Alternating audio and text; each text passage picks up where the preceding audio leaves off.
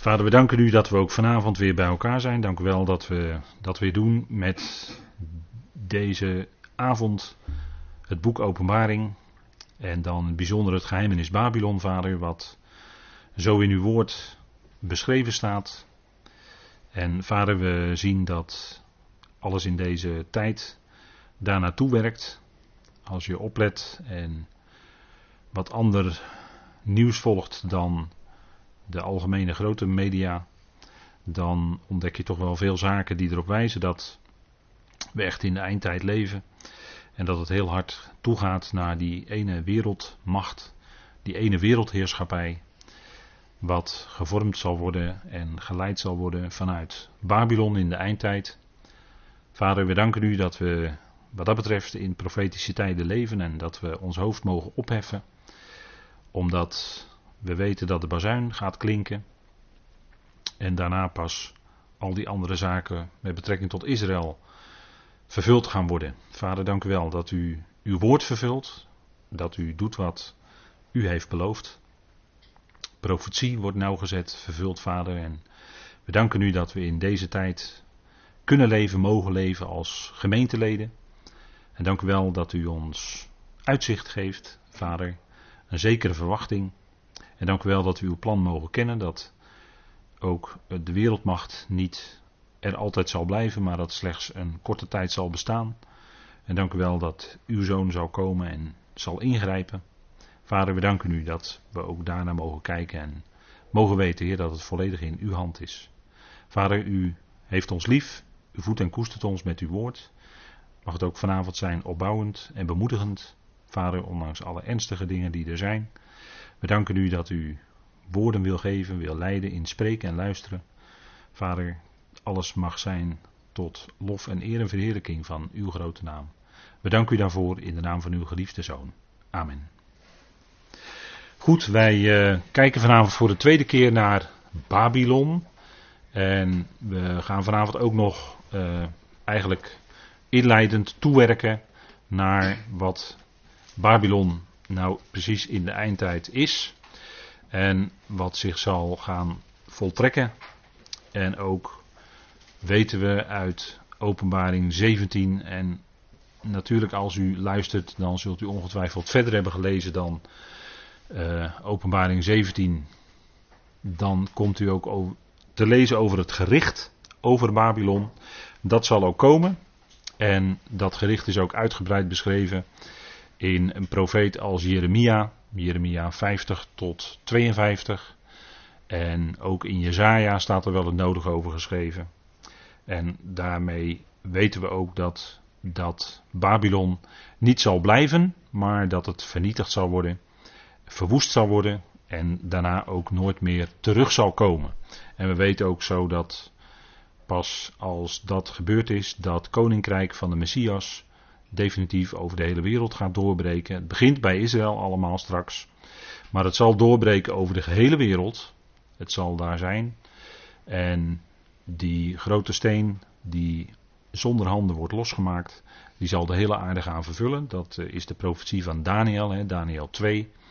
En dan komt dat koninkrijk der hemelen, het koninkrijk van de hemelen. Hè, dat is de oorsprong komt over de gehele aarde. dat is niet die uitdrukking in Matthäus, betekent niet de hemel, maar dat betekent dat er een koninkrijk komt uit de hemelen over de gehele aarde. Dat is het koninkrijk der hemelen. Dat is dus een aards koninkrijk, gek genoeg. ondanks dat er hemelen staat, maar dat is de oorsprong ervan. De God des hemels, zegt Daniel 2, zal een koninkrijk oprichten dat niet meer zal vergaan, maar wat zal blijven. Niet alleen op deze aarde duizend jaar lang, maar ook daarna op de nieuwe aarde. Ook daar geldt die periode tot aan de volleinding van het koninkrijk der hemelen. Dat, dat is dus niet alleen de komende duizend jaar, maar dat zal doorgetrokken worden ook op de nieuwe aarde als dat nieuwe Jeruzalem komt, wat uit de hemel zal neerdalen van God en op de aarde zal komen. Hè? Dat is toch wel bijzonder, maar daar gaan we vanavond ook nog wel even, als we de tijd hebben, aan tippen. Goed, en dan lezen wij even met elkaar inleidend Openbaring 17, de eerste versen. En daar lezen wij over het geheimenis van Babylon. En een van de zeven boodschappers die de zeven schalen hadden, kwam en sprak met mij en zei, en zei tegen mij: Kom, ik zal u het oordeel over de grote hoer laten zien die op vele wateren zit. Met haar hebben de koningen van de aarde hoererij bedreven. En de bewoners van de aarde zijn dronken geworden van de wijn van haar hoerderij. Even tot zover. Dit is eigenlijk wat nu in deze tijd al eigenlijk al bezig is. Babylon is een macht die zich eigenlijk al uitstrekt over deze aarde. En die, en dan heb ik het over de economische macht, die al zijn tentakels eigenlijk al over de hele aarde heeft. Het is alleen een kwestie van tijd dat het centrum van die macht zich zal gaan vestigen in Babylon zelf. dat even voor de goede orde. Dit is niet wat. Dit is niet iets wat uitsluitend in de tijd, in de eindtijd, dus als wij weg zijn, gaat gebeuren. Maar dit is in feite nu al aan de hand. En Babylon dat zijn ook de kooplieden van de aarde, dus de handel. Nou, er is wereldwijd heel veel handel. En dat wordt vaak, uh, daar zijn ook allerlei verborgen trajecten. Daar hebben we ook wel eens wat van gezien met elkaar. In de pauze hebben we wel eens een filmpje van een getuigenis van iemand daarover laten zien.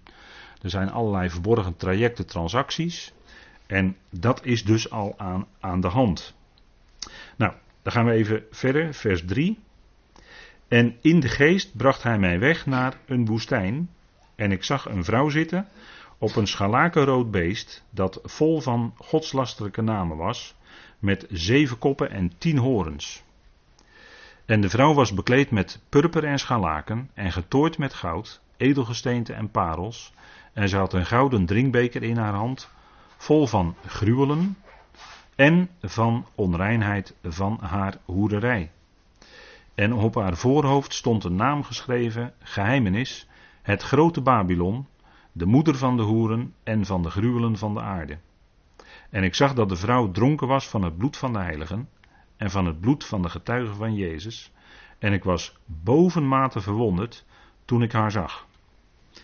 En letterlijk staat er dan, ik verwonderde mij met grote verwondering. Dus dat is een, zeg maar een, een Hebreeuwse manier van spreken om het accent er nog extra op te leggen. Hè. Dus ik verwonderde mij met grote verwondering.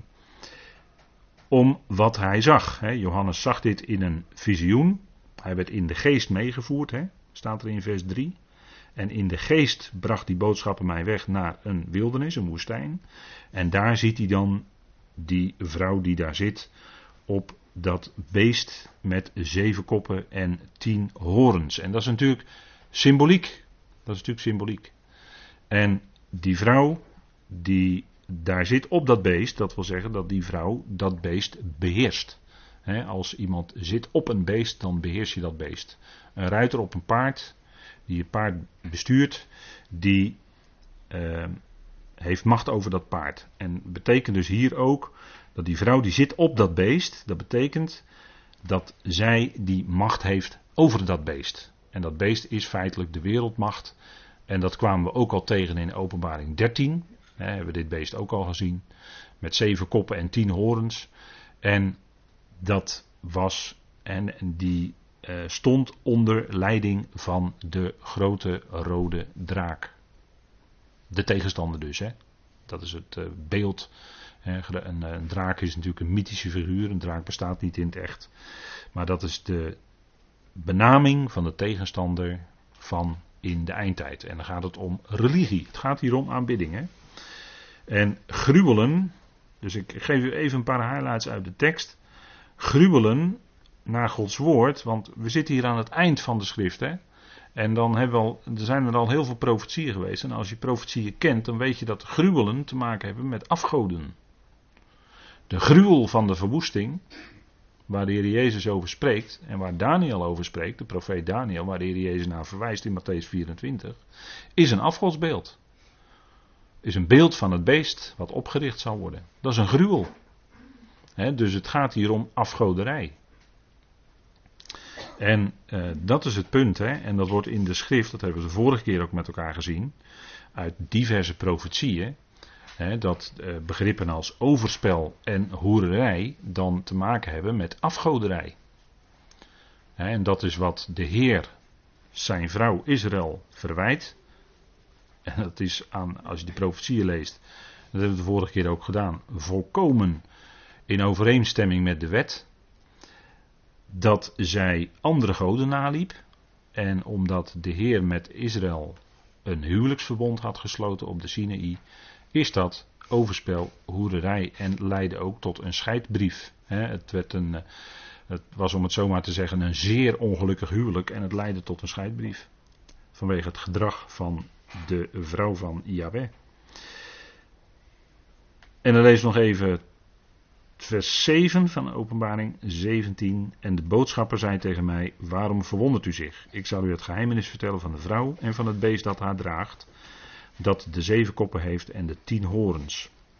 Nou goed, gaan we er verder niet uh, openbaring 17 lezen, maar hij krijgt uitleg over wat hij gezien heeft en wat daarmee gaat gebeuren. Dus is het visioen wat Johannes zag, het geheimenis, hè, want dat hebben we gelezen in vers 5, geheimenis het grote Babylon. En wat is dat? Nou, daar eh, zijn we deze avonden over bezig. En daar gaan we vanavond ook over door met elkaar. En we hebben de vorige keer gezien over de tien stammen.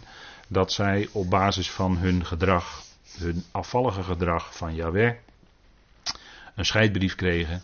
En zij dus werden weggestuurd in ballingschap. En dat gebeurde in het jaar 722 of 21 voor Christus door de Assyriërs. Ze werden weggevoerd in ballingschap, dat is het uh, tien stammenrijk zeg maar. Werd grotendeels weggevoerd. Uh, de tien stammen die uh, in de schrift aangeduid worden met Samaria of soms met Ephraim, omdat Ephraim het eerst geboorterecht had. worden de tien stammen in zijn geheel ook wel aangeduid met Ephraim in de profetie, maar ook met Israël. En dat kan wel eens verwarrend zijn voor mensen als, als je leest, maar soms wordt Israël gebruikt als aanduiding voor de tien stammen. En in Hosea 3, dat hebben we, meen ik, met elkaar gelezen de vorige keer, uh, hebben we vastgesteld dat aan het einde van de dagen, of na veel dagen, hè, ze zou blijven zitten veel dagen zonder uh, koning enzovoort, hè, zonder al die zaken, tot aan het einde van de dagen. Dat is tot aan het einde van de periode waarin die ballingschap zou voortduren en dat is in feite nog steeds. De tien stammen zijn nooit in hun geheel teruggekeerd naar het land. dat is, uh, die zijn verstrooid over de wereld en er zijn diverse theorieën over waar die tien stammen dan gebleven zijn. Nou, daar, daar zijn we deze avonden niet mee bezig, dus daar ga ik u niet mee vermoeien. Maar in ieder geval uh, zullen zij wel terugkeren, dat is natuurlijk beloofd. Hè? De terugkeer is beloofd. Want uh, Romeinen 11, vers 1 zegt dat God zijn volk niet verstoten heeft. Dus Israël is niet verstoten als volk. Um, maar de verharding, later in Romeinen 11 zegt Paulus dat een verharding voor een deel is gekomen over het volk, want er was altijd nog een gelovige rest. De verharding is voor een deel over het volk gekomen, totdat de volheid van de natie zal ingaan wat het dan ook maar is. En dan zullen zij weer aangenomen worden. Maar God heeft zijn volk niet verstoten. God heeft zijn volk, zijn volk is alleen tijdelijk niet licht voor de natieën. Dus die lichtdragersfunctie is tijdelijk overgegaan naar de natieën. Dat is het beeld van de olijfboom in uh, Romeinen 11. En dat blijf ik zeggen.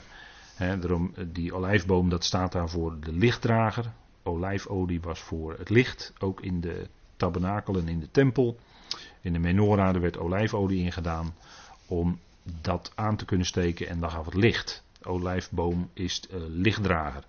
En dat beeld gebruikt Paulus in Romeinen 11 voor Israël en de volkeren. Die lichtdragersfunctie is van Israël overgaan op de volkeren. En we leven nu in de tijd dat die wilde, die takken van die wilde olijf, dat is dus de volkeren, die worden weer uitgebroken. dat zijn natieën, dat zijn volkeren, die takken, dat zijn geen individuele gelovigen. Maar dat zijn volkeren en die zullen weer worden uitgebroken en dan zal de lichtdragersfunctie weer terugkeren naar het volk. Dan zullen zij in de komende koninkrijk ook weer die lichtdragersfunctie hebben.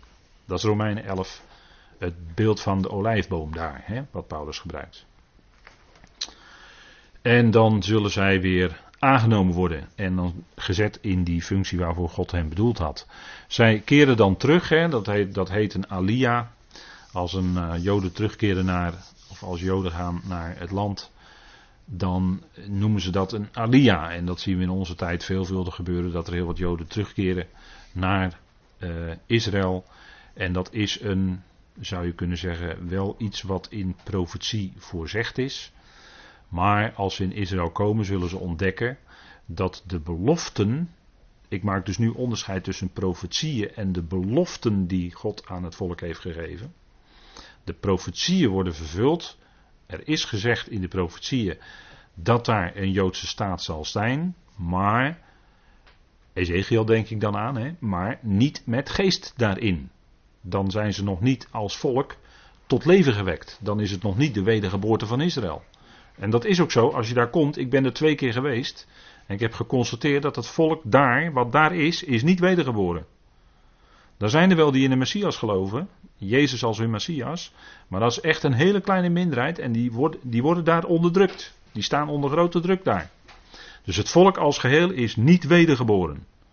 En, en dat is wat Ezekiel ook heeft gezegd dat, dat dal van dorre doosbeenderen, daar zit nog geen geest in. En dan moest Ezekiel gaan profeteren en dan kwam er geest in, kwam het tot leven. Dat zal gebeuren naar de profetie van Joël, Joël 2. Dan zal hij zijn vlees uitgieten, of zijn geest uitgieten op alle vlees en dan zullen zij gaan leven. Dan zal het werkelijk echt voor het volk Pinksteren zijn. Ja, dan wel. Ja. Maar in de tussentijd is het een feest wat in de kerk is ingevoerd en wat. Uh, in feite niet, uh, niet van toepassing is. Want het heeft alleen, alleen maar in feite, Shavuot heeft alleen maar te maken met Israël. Maar hij zal zijn geest geven en dan zal het volk herleven. Dus dat is voorzegd, hè? hij zal zich weer ontfermen. Zegt Hosea 1, zegt 1 Petrus 2. En dan zullen zij weer koning en priester zijn. Ook zoiets, hè? dat heeft God aan het volk alleen beloofd, alleen voor Israël. Het geldt niet voor ons. Het geldt niet voor de gemeente dat wij koning en priesters zouden zijn. Dat is onjuist. Koning en priester zijn, dat is alleen aan het volk Israël voorbehouden. En we moeten ook dat bij hen laten staan. En we kunnen ze niet eens ervan beroven, want dat is onmogelijk. God heeft het gewoon aan hen beloofd. En hij zal het ook aan hen geven. Hij zal ze ook inzetten als koning en priester. Goed, naar de tien stammen, die zijn weggevoerd en die zullen ook weer te zijner tijd terugkeren.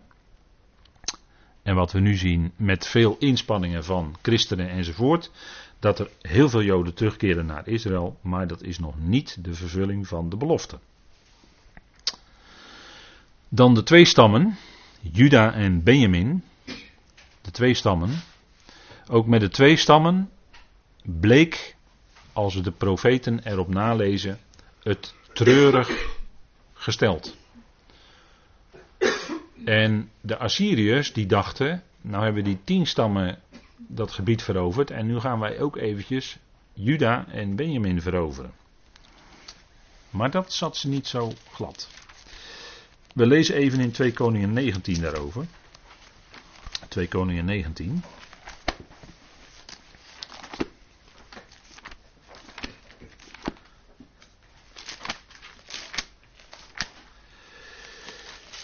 2 Koningen 19.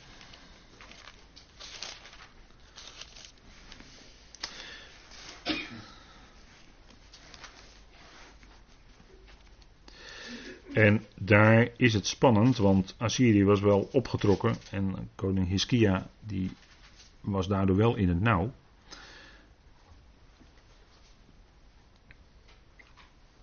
En dan lezen we even vanaf vers 9. Toen Sanherib, dat was dan de koning van Assyrië op dat moment, over Terhaka, de koning van Cush, hoorde zeggen: Zie, hij is uitgetrokken om tegen u te strijden, stuurde hij opnieuw gezanten naar Hiskia om te zeggen: Dit moet u tegen Hiskia, de koning van Juda, zeggen: Laat uw God op wie u vertrouwt, u niet bedriegen door te zeggen: Jeruzalem zal niet in de hand van de koning van Assyrië gegeven worden.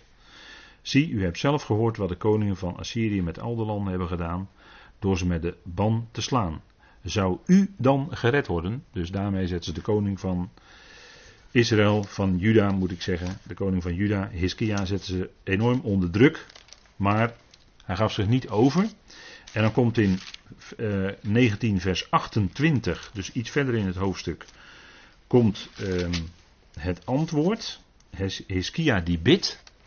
En dan komt het antwoord, vers 28. Omdat u tegen mij met een hoofdletter tekeer bent gegaan en uw hoogmoed is opgeklommen tot in mijn oren, zal ik mijn haak in uw neus slaan en mijn bid tussen uw lippen. Ik zal u doen terugkeren langs de weg waarover u bent gekomen.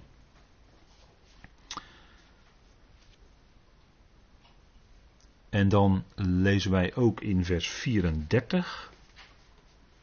Vers 34. Wat er gebeurt. Dat het. Uh, uh, vers 28. Dat het geen loze woorden waren. Hè, die uh, had doen spreken. Tegen Sanherib. Vers 34. Want ik zal deze stad beschermen door haar te verlossen. Omwille van mijzelf en omwille van David, mijn dienaar. En het gebeurde in diezelfde nacht dat de boodschapper, de engel van Yahweh, uittrok en in het leger van Assyrië 185.000 neersloeg. Toen men de volgende morgen vroeg opstond, zie, het waren allemaal dode lichamen. Daarop brak Sanherib, de koning van Assyrië, op. Hij trok en keerde terug. En hij bleef in Nineveh, want daar kwam hij vandaan. En de naam Sanherib, die zegt het eigenlijk al. Dat betekent een afgod heeft veel broeders. En dat was in Assyrië flink aan de hand hoor. Dat was volop afgoderij. En het gebeurde nu toen hij zich in het huis van Nisroch, dat betekent arend, zijn god neerboog. Dat Adra Adramelech en Sarezer zijn zonen hem met het zwaar doden. Zij ontkwamen naar het land Ararat. En Ezar Haddon, zijn zoon, werd koning in zijn plaats. En dat was ook voorzegd, hè? dat hij door zijn eigen zonen uh, neergeslagen zou worden. En dat is ook zo gebeurd. En hij keerde dus terug langs de weg waar langs hij gekomen was. Precies zoals God het had gezegd. Dus hier zien we dat uh, de Assyriërs niet zo gemakkelijk uh, Juda en Benjamin konden veroveren. Uh, ze kwamen wel tot, tot, aan de muren van Jeruzalem, maar ze hebben uiteindelijk die stad niet kunnen veroveren. De Heer, zelf greep in. Hè? En natuurlijk gaat dat in de eindtijd bij de ontzetting, de vrijstelling van Jeruzalem, ook op die manier gebeuren. Hè? Er is één boodschapper van de Heer nodig en dan worden legers vernietigend verslagen. En je ziet overigens op dit kaartje uh, blauwe gebied, dat was het gebied van Assyrië. En dat gele gebied, dat was echt aan de top van de heerschappij van de Assyriërs. Toen besloegen ze echt een behoorlijk groot grondgebied. Uh, maar dat is maar van relatief korte duur geweest. Dus het was wel een wereldmacht in die dagen. De twee stammen. De twee stammen. Hoe ging het met de twee stammen? We lezen even in Hosea 1, vers 7. Jaweh had bijna geen ontferming meer voor Juda. Want het gedrag van Juda en Benjamin was ook eigenlijk hetzelfde als het gedrag van eh, de tien stammen.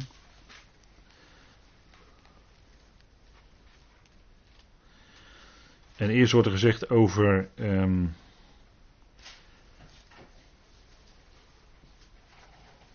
over de tien stammen. En dat was dat uh, Gomer opnieuw zwanger werd en ze baarden een dochter. Daarop zei tegen hen, vers 6, geef haar de naam Lorugama, want ik zal mij voortaan niet meer ontfermen over het huis van Israël, want ik zal hen zeker wegvoeren, wat ook gebeurd is. Hè? Hosea profiteert heel veel over de tien stammen. En dit wordt gezegd over de tien stammen van Israël. En dan vers 7, maar over het huis van Juda zal ik mij ontfermen en ik zal hen verlossen door de Heere hun God. Ik zal hen echter niet verlossen door boog, door zwaard, door strijd, door paarden of door ruiters. Dus er wordt op dat moment nog door de profeet gezegd dat Juda nog ontferming kreeg. Maar zij waren eigenlijk net zo afgodisch als hun zuster. We lezen dat in Jeremia 3. Laten we dat ook even met elkaar lezen. Dus we springen door de profeten heen vandaag. Jeremia 3,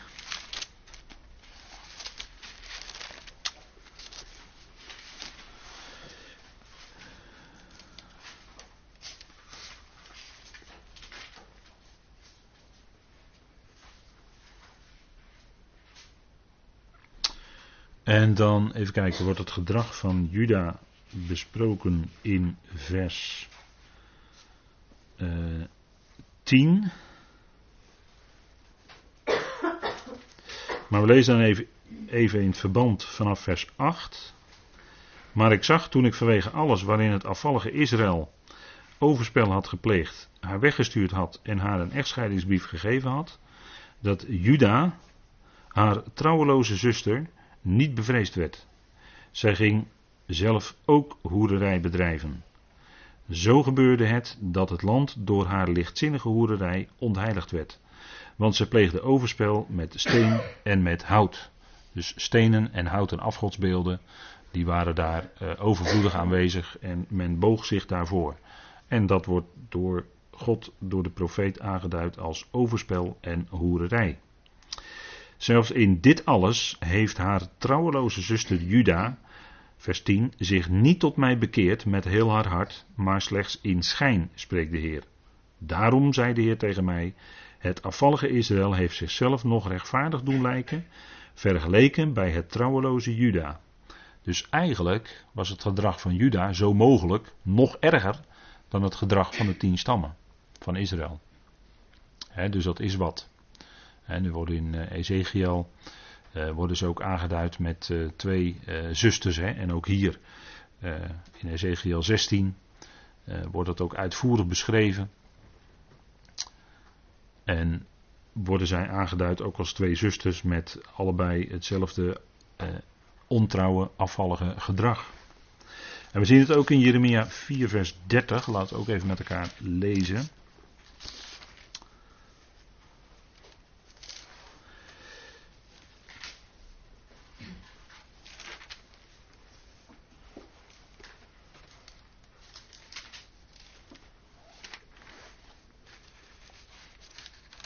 En dit wordt ook geprofiteerd dan over Juda en Jeruzalem.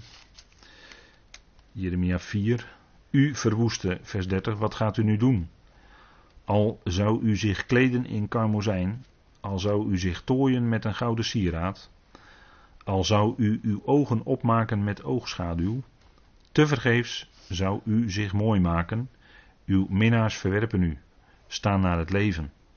Want ik hoor een geluid als in barensnood. Benauwdheid als van een die haar eerste kind aan het baren is. Het is het geluid van de dochter van Sion. Ze snakt naar adem, ze spreidt haar handen uit. Wee mij toch, want mijn ziel is uitgeput vanwege de moordenaars.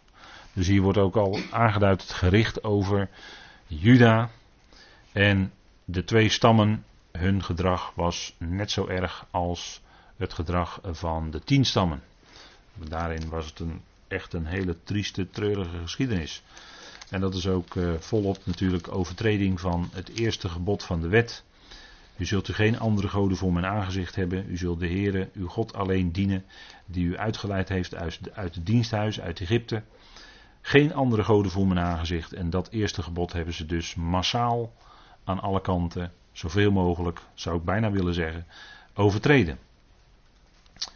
Artikel of het eerste gebod van de wet. Hè. Dus dat wordt natuurlijk. Uh, en die wet, die is dat handschrift wat tegen hen getuigt. He, dat was in de, in de tempel en in de tabernakel, lag dat ook in de ark van het verbond. Dat, was, eh, dat waren de stenen tafelen het getuigenis. En omdat die deksel erop was, getuigde dat niet tegen hen. Maar op een gegeven moment werd hun gedrag zo erg. En wat de Heer ook had gezegd in Leviticus: Het is mijn land, het is mijn huis. En je bent in mijn huis en als je als vrouw niet gedraagt naar de regels die ik jou gesteld heb, waar je ja tegen hebt gezegd, dan ga je op een gegeven moment eruit. En dat gebeurde natuurlijk ook. Op een gegeven moment werd het, eh, was de maat vol, om het zo maar te zeggen.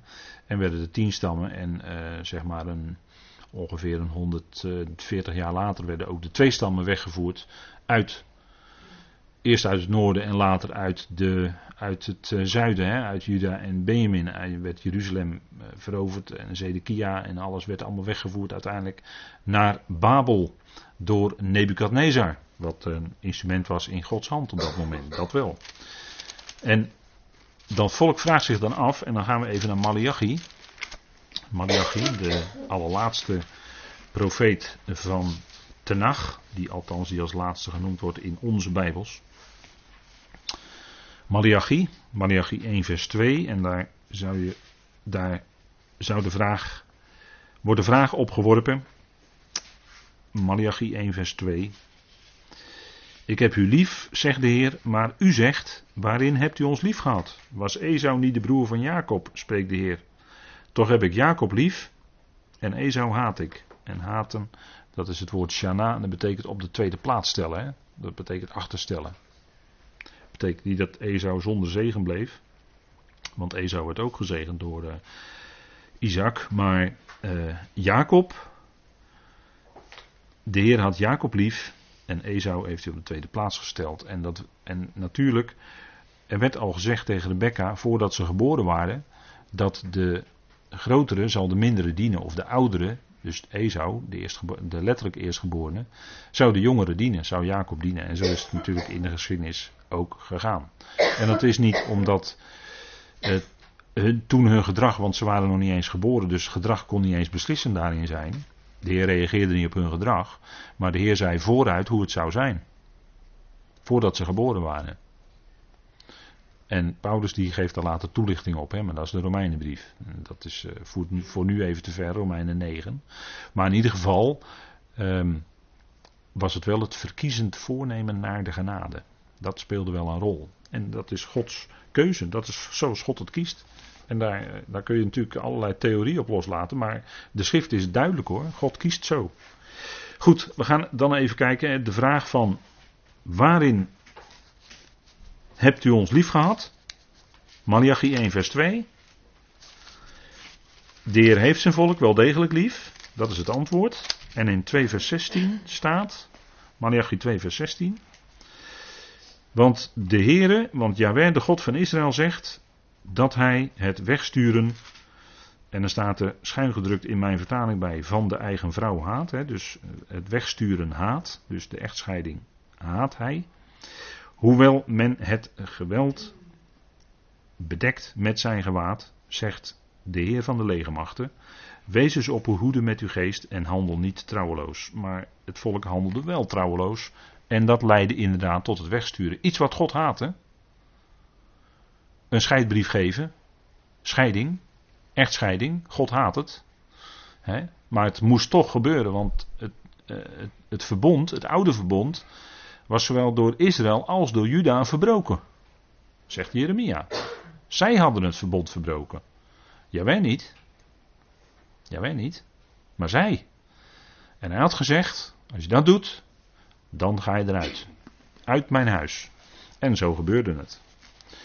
Dus dit, is natuurlijk de, dit zijn de notities van de profetie. En dit, dit, dit is allemaal eigenlijk toewerken naar en opbouw naar van wat is nu dat geheimenis Babylon? Wie is nu die vrouw die op dat beest zit? Dat vragen wij ons af. Hè? En daarom zijn we al deze dingen aan het lezen. Zodat u straks als dat uitkomt wie die vrouw is. En u, heeft nu, u krijgt nu steeds de schrift eronder vanuit de profetieën gaat u beter verstaan waarom die vrouw dat is wat zij is. En wat de identiteit van die vrouw is. Die op dat beest zit. He, daarover zijn we nu bezig om dat te onderzoeken met elkaar vanuit de schrift. En we hebben het over de twee stammen, de tien stammen ook hebben het gehad, maar nu gaan we het over de twee stammen. En de Heer kwam op aarde. En de Heer was natuurlijk degene die al in het verleden Yahweh was voor het volk. Maar hij kwam nu te midden van zijn eigen volk op aarde als mens. Ik hoop dat u even, ik zeg het even in één zin, hè. ik zeg het even snel misschien. Maar de Heer was degene die Yahweh was naar het volk toe. En hij kwam als mens te midden van zijn eigen volk. Maar wat was dat volk wat daar in Israël was, wat daar in het land was? Dat bestond hoofdzakelijk uit nakomelingen van de twee stammen.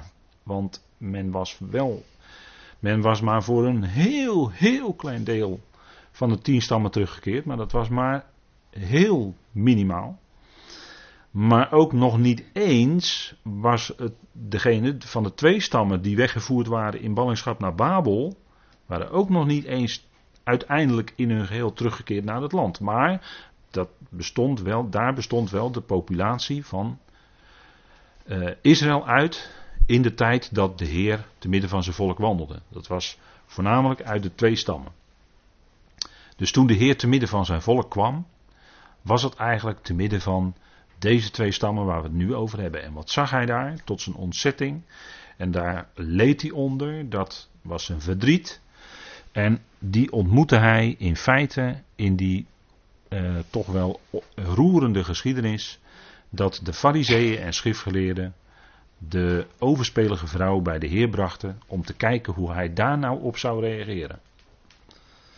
dat was wel een zaak die uh, duidelijk was. Ze was echt uh, in. Ze was daar echt op betrapt. En, dus dat was wel een duidelijke zaak. Alleen men wilde graag horen van de Heer. Hoe hij nou daarop zou reageren. En nu was er in Israël een wet op de jaloersheid. En dat wordt in mijn Bijbel genoemd de wet op de achterdocht in nummer 5. Laat even, ik wil u met enkele versen. Want dat dat is eigenlijk de achtergrond, die wet op de jaloersheid, is mede de achtergrond van die geschiedenis in Johannes 8. Vers 1 tot en met 11. Nummer 5.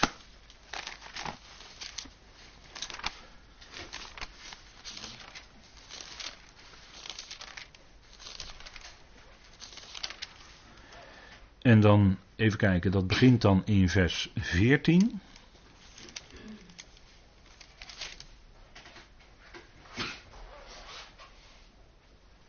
Eigenlijk uh, begint het vanaf vers 11. En dan lezen we: De Heer sprak tot Mozes, spreekt tot de Israëlieten en zegt tegen hen: Stel dat iemands vrouw afgeweken is en zij trouwbreuk tegen haar man gepleegd heeft, dat een andere man met haar geslapen heeft en er een zaadlozing plaats heeft gehad, maar dat het voor de ogen van haar man verborgen bleef. Zij wist dat zij zich verontreinigde en zij hield dat geheim en er was geen getuige tegen haar, ook was zij niet betrapt.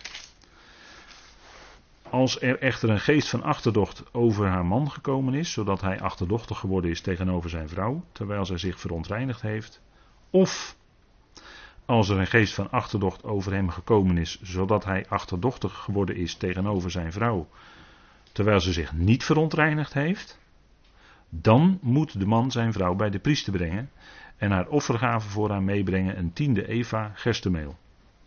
Hij mag er geen olie op gieten en er geen wierook opleggen, want het is een graanoffer voor achterdocht.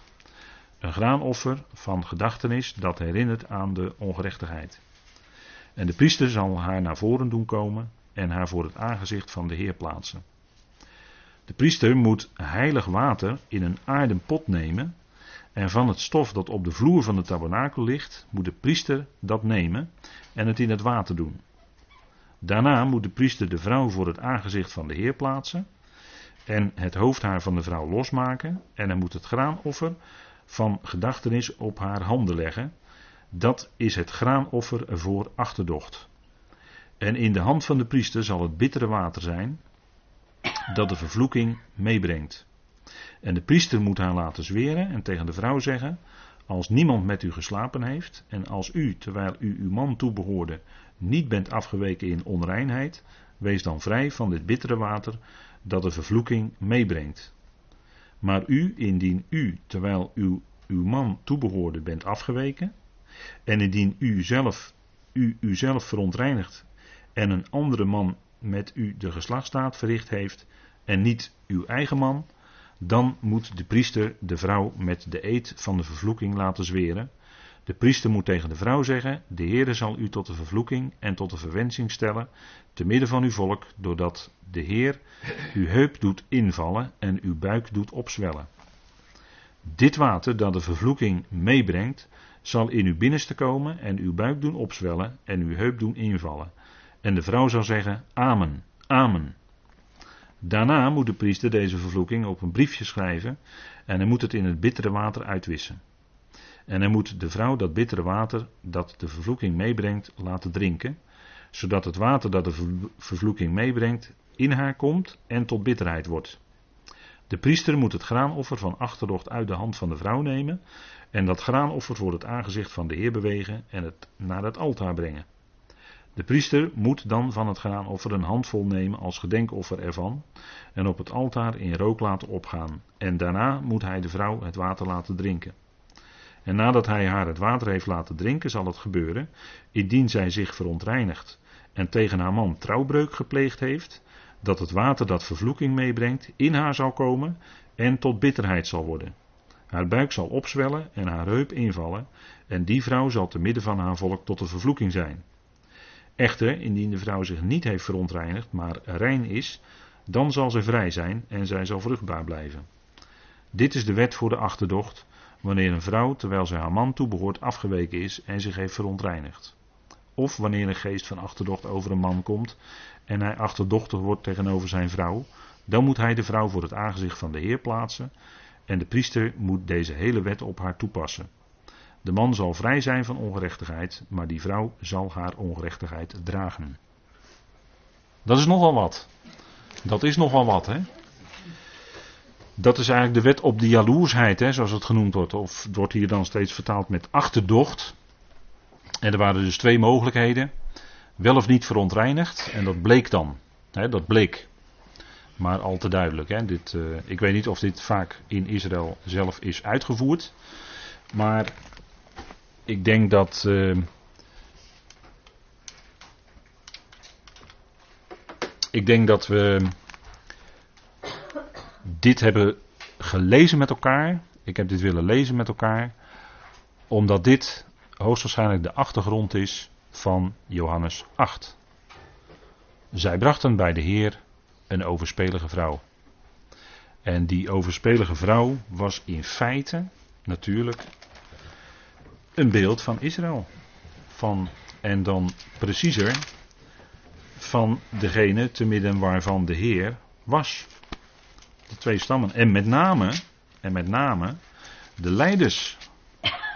Want die waren uiteindelijk de geestelijke leiders van het volk.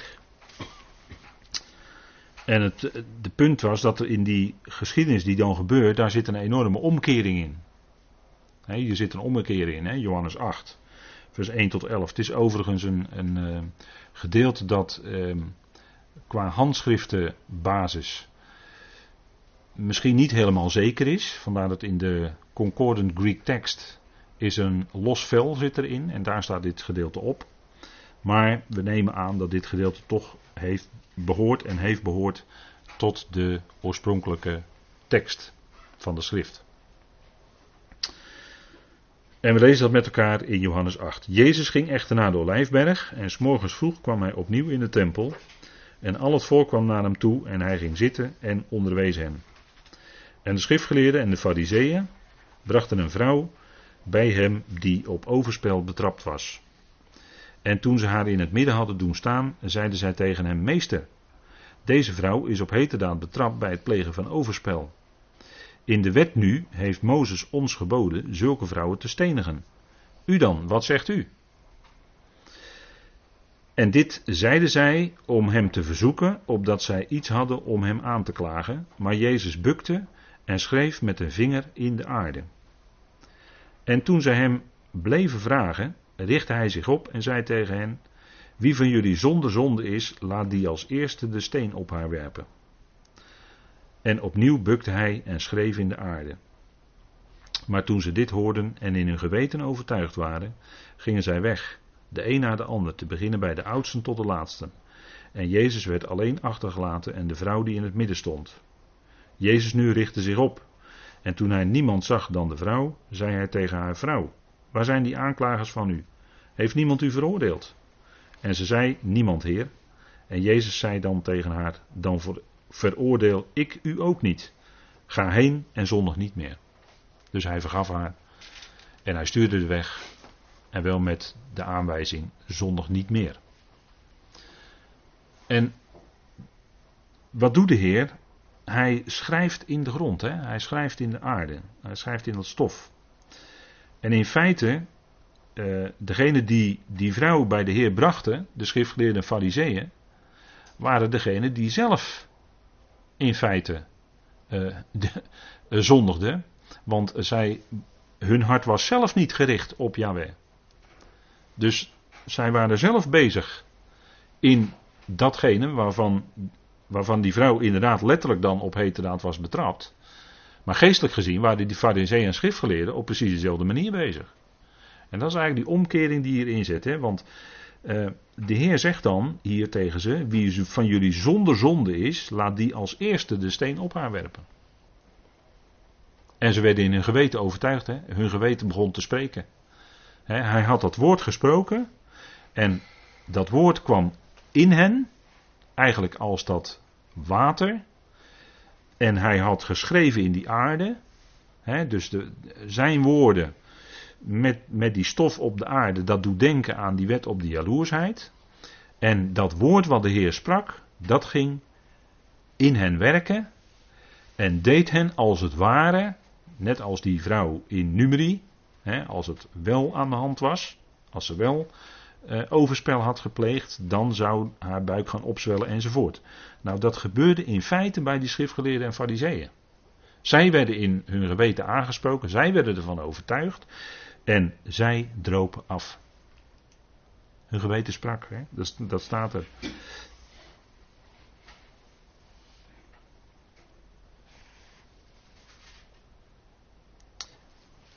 Vers 9. Maar toen ze dit hoorden en in hun geweten overtuigd waren. Ziet u het? De woorden die hij sprak, dat sprak hun geweten aan. Zij waren zelf in feite schuldig aan. Zij, zij zelf. En daarom gingen zij weg. Kijk, strikt genomen, naar de letter van de wet hadden ze gelijk. Iemand die dat uh, zich zo had gedragen, overspel, die moest gestenigd worden. Dat stond in de wet. Zowel uh, de, hè, dat, dat is als. Uh, dat is maar al te duidelijk. Hè. Leest u het maar na. Leviticus 18, Leviticus 19. Als, als men, men, daarop betrapt was, dan moesten zowel de man als de vrouw moesten allebei gestenigd worden. En dan kunnen we kijken naar David en Bathseba bijvoorbeeld. Die hadden ook allebei gestenigd moeten worden. En toch gebeurde dat niet. Ze ontvingen kennelijk onder de wet vergeving, genade dus. En David mocht door. Daarvoor moest wel, eh, Nathan kwam natuurlijk later bij David. En David werd wel degelijk in zijn geweten aangesproken. En eh, had het heel moeilijk daarna. Maar hij mocht wel koning blijven, dat was de vergeving die God gaf. Nochtans, want letterlijk naar de letter van de wet hadden zowel David als Bathsheba gestenigd moeten worden. Dat zei de wet. Dan zien we dat de Heer hier ook op een andere manier dit benadert. Hè? Want ze wilden hem natuurlijk vangen. Dat hij, eh, als hij er tegenin zou gaan, zouden ze zeggen: ja, maar de wet zegt dat. Maar hij geeft eigenlijk dat, dat bijzondere woord. Laat degene die zonder zonde is de eerste steen op haar werpen. En toen gingen ze allemaal weg. Ja, allemaal weg. En dat was die omkering. Ja. Dat was in feite wat, wat gebeurde vanuit die wet op die jaloersheid. Want de Heer hier was degene die als uh, echtgenoot in feite van dat volk. Degene die was die, uh, die die wet op die jaloersheid kon toepassen. Kon laten toepassen. Want hij was degene die in feite de echtgenoot was van het volk, te midden waarvan hij liep. En hij zag dat het volk uh, in feite afkerig was. Zeker de fariseeën en schriftgeleerden. Waren afkerig van hem. En, dat was, en ze waren met andere dingen bezig, bijvoorbeeld met koophandel, hè? geldwisselaars enzovoort. Met die dingen waren ze bezig. He, dus dat, is in feite, he, dat is in feite de grote omkeer die in deze, die in deze geschiedenis zit. He, het was inderdaad letterlijk, die vrouw had dat begaan. Maar in feite, geestelijk gezien, waren het fariseeën en schriftgeleerden precies hetzelfde. Waren bezig met precies dezelfde dingen. En zij werden daarop hè, in hun geweten aangesproken en ze gingen weg. En zo was het toen de Heer onder zijn volk kwam. En denkt u erom dat hij, dat hij al dat gedrag zo om zich heen zag van zijn volk en dat hij daaronder geleden heeft. Was niet alleen het lijden aan het kruis, dat was het diepste. Dat was heel, heel diep. Maar ook te midden van zijn volk wandelend en bezig zijnd, heeft hij ook enorm geleden. Hij die, hij die zelf zonder zonde was. Hij die zelf zo'n gevoelige geest had. Voor, en, en zeker voor al, dat, al die afwijking die hij om zich heen zag. Hij moet dus bedenken hoe hij geleden heeft om het gedrag van zijn volk. Dus de wet op die jaloersheid, hè, dat is wat. En dat is natuurlijk wat speelt ook in de schrift. Wat speelt ook in feite in, uh, in openbaring. Maar goed, uh, als we kijken naar wie is de bruid. Want daar, dat komt ook naar voren nog later in uh, openbaring. Wordt die bruid ook genoemd en een bruiloft zelfs. Wie is de bruid? Nou, één ding is natuurlijk, staat als een paal boven water, dat de gemeente het lichaam van Christus niet de bruid is. Dat absoluut niet. dat, is, uh, dat kunt u ook nergens terugvinden in de schrift. Dat is net als met andere dingen die in de traditie uh, tot leerstellingen zijn verheven, maar daarvan kun je zeggen, ja, maar dat en dat, ik kom het niet, tegen, ik kom het niet tegen in de schrift. En dat de gemeente de bruid is, kom ik ook nergens tegen in de schrift, staat nergens. We hebben in het verleden daar nog eens een paar avonden met elkaar over gesproken. En uh, toen hebben we ook uh, de hele schrift doorgewandeld en duidelijk gezien dat Israël, het gelovig Israël van de toekomst, dat is de bruid. En ik kan ook zeggen in het verlengde daarvan, het nieuwe Jeruzalem, dat uit de hemel neerdaalt op die nieuwe aarde, die is als een bruid versierd voor haar man. Daarvan, kun je, daarvan zou je misschien ook kunnen zeggen, dat is de bruid. Maar voor de rest, het woord bruid wordt op de gemeente niet toegepast. Efeze 5, het staat er niet hoor. Dat gaat over het huwelijksleven tussen man en vrouw. En dat is de relatie, dezelfde relatie tussen Christus en de gemeente. Maar daar worden gemeenten niet aangeduid als bruid. Absoluut niet. 2 Korinthe 11. Daar zegt Paulus: Ik heb jullie als een reine maagd voor Christus willen stellen. Daarvoor wordt ook geconcludeerd, maar dat zijn dus de afleidingen, hè? moet goed opletten. Dan wordt geconcludeerd dat dan de gemeente misschien wel de bruid is, maar het staat er niet, hè? 2 Korinthe 11 staat er niet. Nee, nee. Er wordt door Paulus alleen een vergelijking gemaakt. Maar hij gebruikt het woord bruid absoluut ten ene male niet. Dus daar, dat zijn gewoon de duidelijke lijnen van de schrift. Israël is de bruid. Hosea zegt het ook. Via Hosea. Ik zal u mij tot bruid werven in de komende aion. De bruiloft van het lam, dat is de komende aion. Dat is de komende duizend jaar. En daarvan was de bruiloft in Cana was daar een type van. Waarom veranderde de Heer water in wijn? Ah, dat, was een teken. Dat was een teken. Dat was een teken voor zijn volk. De Heer kwam die vreugde brengen op die bruiloft. En het zal ook pas echt bruiloft kunnen zijn als de Heer daar is. Nou, dat is in de duizend jaar zo. Dan is Hij gekomen. Dan zal die bruiloft ook gaan plaatsvinden. Met wie? Met Israël. En met niets anders dan Israël. Ik dacht dat dat wel duidelijk is, hè, zo. Maar wie is de bruid? Uh, Johannes, we zijn toch in Johannes bezig. Trouwens, prachtig hoor, Johannes. Prachtig, uh, al die tekenen en wonderen die de Heer doet. Met uh, geweldige betekenissen erin. Maar in Johannes 2 lezen wij, en dat zijn ook wel bekende versen voor u, denk ik. Of Johannes 3. Ik heb denk ik even een verschrijving gedaan. Ik heb op de dia 2 gezet, dat is incorrect. Het moet Johannes 3 zijn. Ja, Johannes 3. Johannes die spreekt dan, u bent zelf mijn getuige dat ik gezegd heb, ik ben de Christus niet, maar ik ben voor hem uitgezonden. Wie de bruid heeft, is de bruidegom, maar de vriend van de bruidegom, die erbij staat en hem hoort, verblijdt zich. Zeer over de stem van de bruidegom. Deze blijdschap van mij nu is volkomen geworden. Want Johannes hoorde de stem van de Heer. De Heer is de bruidegom, Johannes is de vriend van de bruidegom.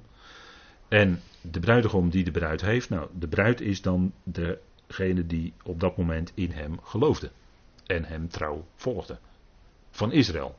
De mensen uit Israël die in hem geloofden en hem op dat moment trouw volgden.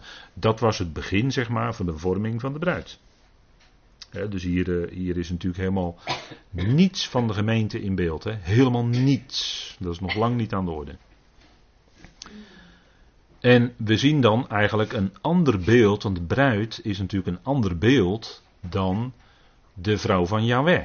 Over de vrouw van Yahweh lezen we in Tenach, in het, uh, wat we dan altijd zeggen, het Oude Testament, hè. Maar de bruid, dat is wat anders, de bruid van het lam, dat is toch echt wat anders hoor. Kijk, ik heb op deze dia een vergelijking uh, geschreven. En daar gaat het om de vrouw van Yahweh aan de ene kant en aan de andere kant de bruid van het lam.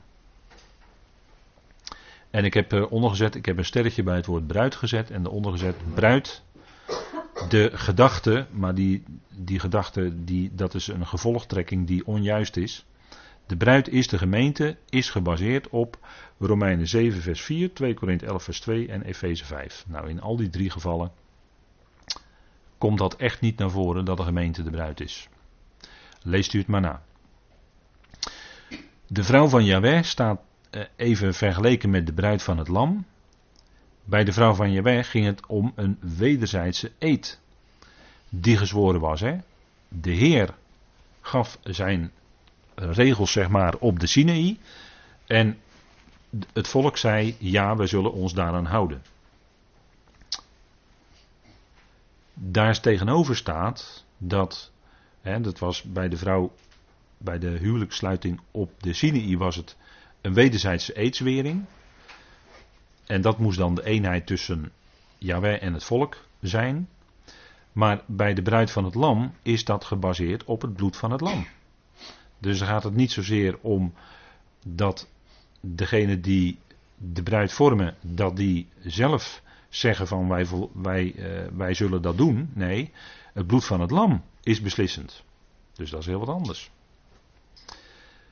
En bij de vrouw van Jewijga ging het om heel het volk.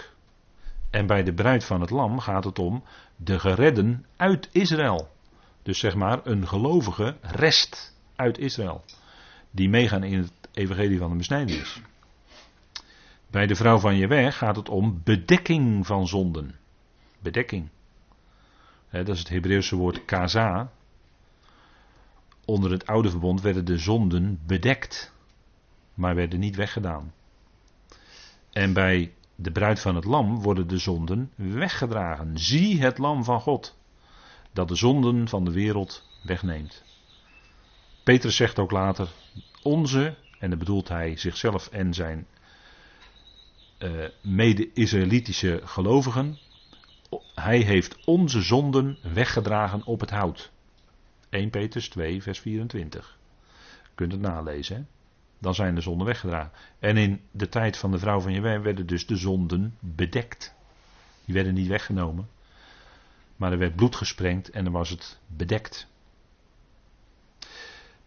De vrouw van Jewe, daarvan zegt de Heer, dat is een boos en overspelig geslacht. En dat, uh, daar liep hij dus te midden van. Hè? Dat zei ik. Laten we even met elkaar lezen in Matthäus 12. Want de Joden verlangen tekenen, hè? dat weet u, hè? dat zegt Paulus in uh, eh, 1 Korinthe 1. De Joden verlangen tekenen, de Grieken zoeken wijsheid, maar wij prediken Christus. En dat is heel wat beter dan tekenen of wijsheid. Hè? De Christus, dat is, uh, ja, daar gaat het allemaal om. Dat is Hij die onze Heer is, die alles voor ons heeft voldaan. Die alles voor ons heeft gedaan en kon zeggen: Het is volbracht. Dus wij prediken een gekruisigde Christus is heel, heel, ik zou bijna zeggen oneindig veel beter dan tekenen of wijsheid. Matthäus 12, Matthäus 12, vers 39. En vers 38, hè, daar, heb je ze. Hè. Toen antwoordden sommigen van de schriftgeleerden en fariseeën, Meester, wij zouden wel een teken van u willen zien. Ziet u het? De Joden verlangen tekenen. De Joden verlangen tekenen. En de en de Heer zegt, reageert erop. Hè? Meester, wij zouden een teken van u willen zien. Maar hij antwoordde en zei tegen hen: Een verdorven, of een boos en overspelig geslacht verlangt een teken. Nou, dat waren die fariseeën en schriftgeleerden. Maar het zal geen teken gegeven worden dan het teken van Jona de profeet. En dat was in feite hij zelf, hè? dat hij zelf. Want zoals Jona drie dagen, drie nachten, dat is Hebreeuws idioom, hè? dat is Hebreeuws spraakgebruik. Daar kun je natuurlijk eindeloos over discussiëren. Maar dat is Hebreeuws spraakgebruik. Want zoals Jona drie dagen en drie nachten in de buik van de grote vis was, zo zal de zoon des mensen drie dagen en drie nachten in het hart van de aarde zijn. En die drie dagen en drie nachten is dus nogmaals Hebreeuws spraakgebruik, maar hij werd opgewekt op de derde dag. Dat is Grieks en dat is veel nauwkeuriger. Hij werd opgewekt op de derde dag. In het Latijn is het dan na drie dagen. Dan zou je kunnen zeggen dat is de vierde dag. Maar dat is Latijns spraakgebruik. Maar alle drie, in alle drie de gevallen betekent het gewoon dat hij op de derde dag is opgewekt uit de doden. En als wij als Westelingen dan heel, gaan, heel erg gaan preciseren. Goed, dan gaan we zeggen hij was twee nachten letterlijk in het graf. Maar voor een Hebreeër geldt, als die maar een deel van een dag erin ligt, dan geldt het als een dag en een nacht.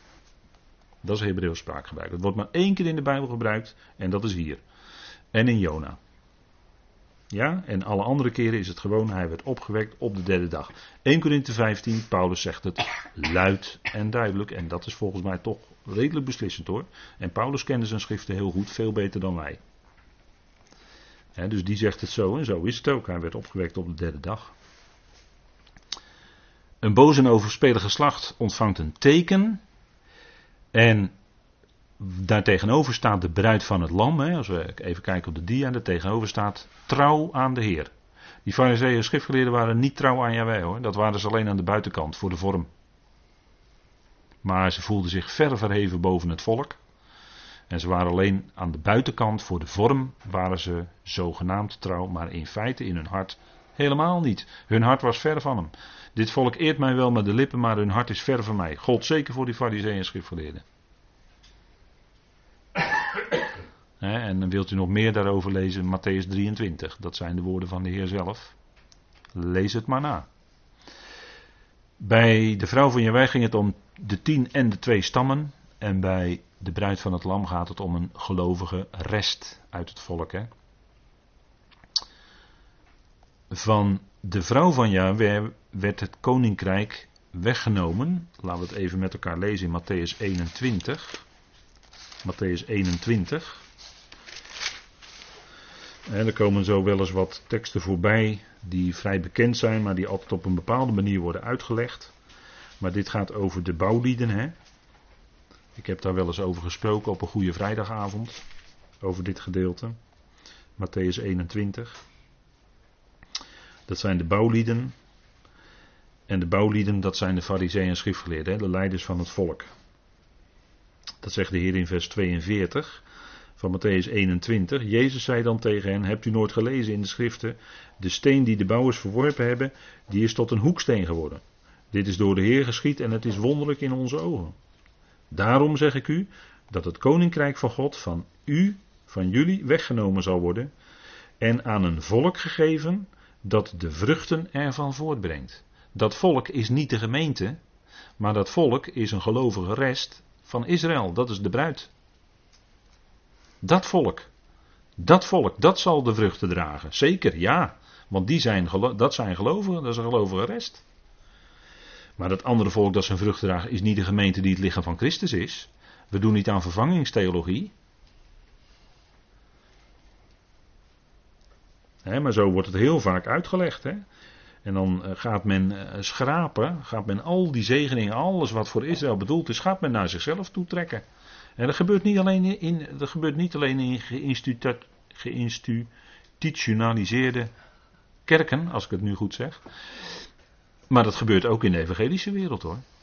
Worden gewoon alle beloften aan Israël worden gewoon naar zichzelf toegetrokken. Evangelische gemeentes, wij zijn koningen en priesters, wordt allemaal geleerd en gezegd. Ja hoor. Het is niet waar, maar het wordt wel geleerd. En dat andere volk, hier in vers 43, en dan wordt er gesproken, ook in evangelische gemeentes, een volk gegeven dat de vruchten ervan voortbrengt. En dan wordt er tegen de gemeente gezegd, jullie moeten dus vruchten dragen. Terwijl ze helemaal Israël niet zijn. Ja, ze vieren wel de feesten van Israël, maar ze zijn het niet. Hè? Messiaanse gemeentes. Allemaal de feesten van Israël meevieren. Joodse feesten zeggen ze dan. Zijn het helemaal niet. Het zijn de feesten van Yahweh. Het zijn de feesten van des Heren. Het zijn niet eens Joodse feesten. De feesten van Yahweh zijn het. En heeft het aan zijn volk gegeven. Maar dan moeten we niet als christenen moeten dat ook meegevierd. Dat is niet eerlijk. Zeg niet ik, maar dat zegt rabbijn, dat zegt rabbijn Lodi van de Kamp. Die zegt dat. Jaren geleden in een krantenartikel, in een column. Die was heel scherp, maar die zei precies, die sloeg precies de spijker op de kop. Die zei van, het is gewoon, niet, is gewoon niet, niet reëel. Is gewoon niet, hij zegt, ik vind het ook een beetje, ja, ik weet niet precies welk woord hij ervoor gebruikte. Maar het bleek eruit dat hij een beetje potsierlijk vond dat christenen die feesten dan gingen meevieren. Want hij was gewoon eerlijk. Hij zegt, ja, maar die feesten zijn aan ons gegeven, aan Israël. Hij heeft gelijk, hij had groot gelijk. Rabijn van de Kamp. En wij allemaal met de loelaf zwaaien en palmtakken en weet ik wat allemaal. Het heeft geen enkele functie. Ja, het is een leuk feestje. En dan ben je misschien blij, eventjes. maar die maandag erop, als je weer aan het werk moet, ben je misschien niet meer blij. want zo gaat het. Het is allemaal, opgeklopte, allemaal opgeklopte blijdschap en vreugde. En dat, dat loopt als een ballon, loopt dat de zondagavond weer leeg. En maandag ben je weer op je werk. En dan? Ja, dan is het feestje voorbij. Ja, dan heb je gewoon weer de realiteit van elke dag. En die feesten helpen je dan niet hoor.